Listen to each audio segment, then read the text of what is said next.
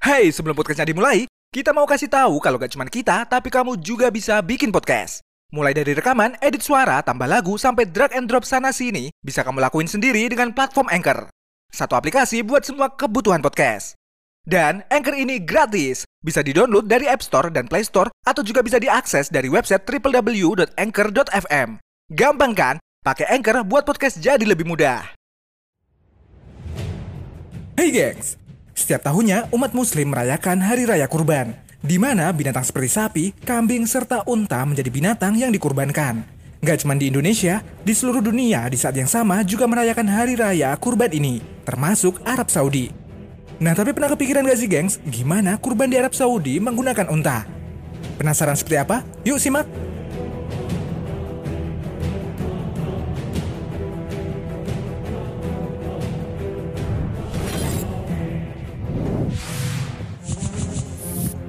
Kurban unta di Arab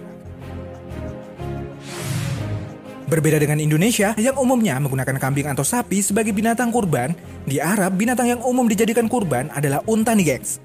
Namun ternyata penyembelihan unta untuk kurban berbeda dengan sapi maupun kambing nih gengs. Di Arab, unta-unta yang akan disembelih dibiarkan berdiri begitu saja, bahkan tidak dipegangi oleh orang-orang.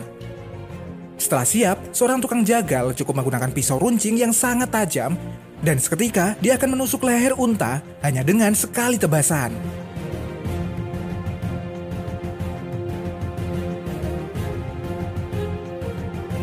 Selain itu, menurut beberapa sumber, pemerintah Arab bahkan sudah menggunakan teknologi modern buatan Jerman nih gengs. Berbeda dengan di Indonesia, di mana hewan kurban diangkut atau diarak seperti biasa, di Arab, unta diangkut menggunakan semacam kren karena ukurannya yang memang besar. Unta-unta ini akan diikat untuk kemudian dimasukkan ke dalam truk atau transportasi lainnya. Setelah disembelih, daging unta ini akan diproses untuk dikuliti serta dagingnya akan dipotong dan dikemas secara otomatis.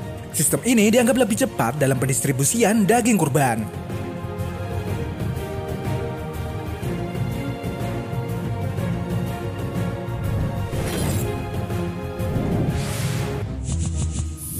Hewan kurban dirias Bukan Indonesia namanya kalau tidak punya tradisi unik, termasuk warga Pasuruan nih gengs. Saat menjelang hari raya kurban, mereka punya tradisi mantenan sapi.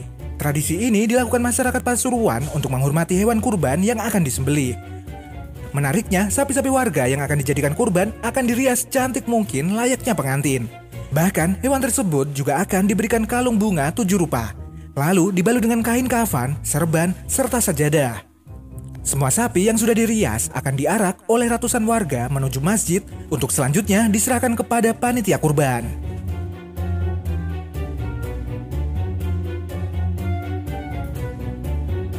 Gak cuma di Pasuruan, di Turki hewan kurban juga diperlakukan serupa nih gengs. Di sini binatang kurban akan dihias dan dirias cantik mungkin, lengkap dengan hiasan pita-pita warna-warni.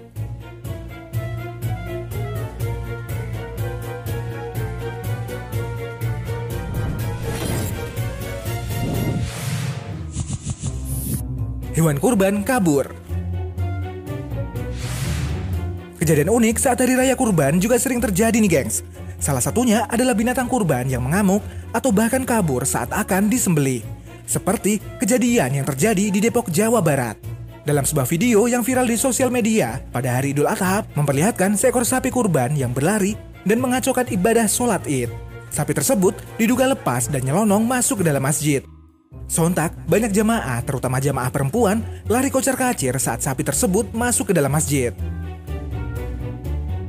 Sebelum kita lanjut, kita mau rekomendasiin aplikasi yang bisa kamu pakai untuk membuat podcast seperti yang sekarang sedang kamu dengerin ini.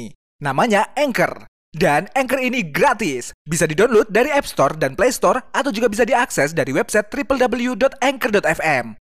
Gak cuma buat, tapi kamu juga bisa langsung share dan publish hasil rekaman kamu ke Apple Podcast, Spotify, Stitcher, dan masih banyak lagi dari Anchor ini. Download Anchor sekarang ya, buat kamu yang mau bikin podcast. Kejadian lainnya juga tak kalah unik nih gengs. Seekor kambing jenis domba kabur sesaat sebelum dilakukan penyembelihan. Dalam video terlihat, domba tersebut memanjat atap rumah warga. Terlihat juga beberapa orang mencoba menangkap kambing tersebut. Setelah bersusah payah, akhirnya kambing tersebut berhasil ditangkap.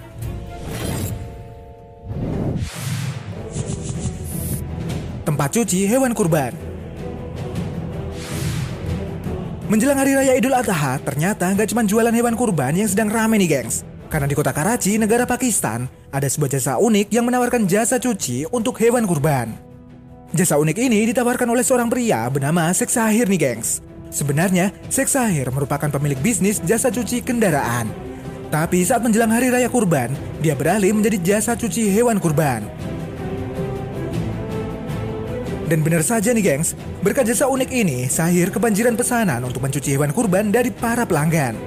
Dan ternyata tarif cuci hewan kurban milik Sahir ini bisa dibilang murah banget nih gengs. Sahir membandrol harga cuci hewan kurban hanya dengan 100 rupiah atau sekitar 8.000 rupiah. Selain itu, di Indonesia jasa unik serupa juga ada nih gengs. Seperti yang terdapat di sejumlah pasar hewan di Kabupaten Ngawi, Jawa Timur. Di daerah ini, banyak orang yang menawarkan jasa salon untuk hewan kurban. Para penjual jasa ini akan merapikan kuku dan tanduk hewan kurban supaya tampil lebih rapi dan proporsional.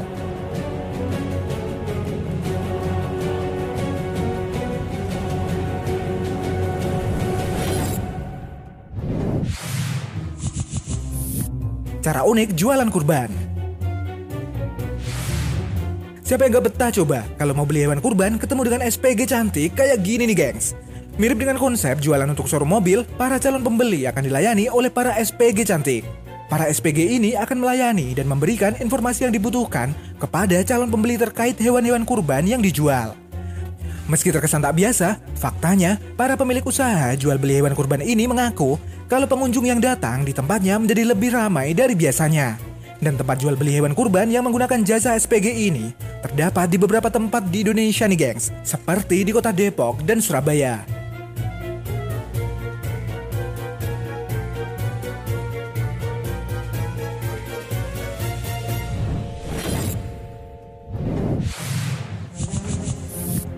Kurban terbanyak. Kalau biasanya menyembeli binatang kurban itu hanya beberapa saja, berbeda dengan Putra Siregar nih gengs. Pemilik PS Store ini pernah tercatat dalam Muri sebagai orang dengan kurban terbanyak. Bayangin aja nih gengs, pada tahun 2020, Putra Siregar berkurban sebanyak 410 hewan kurban.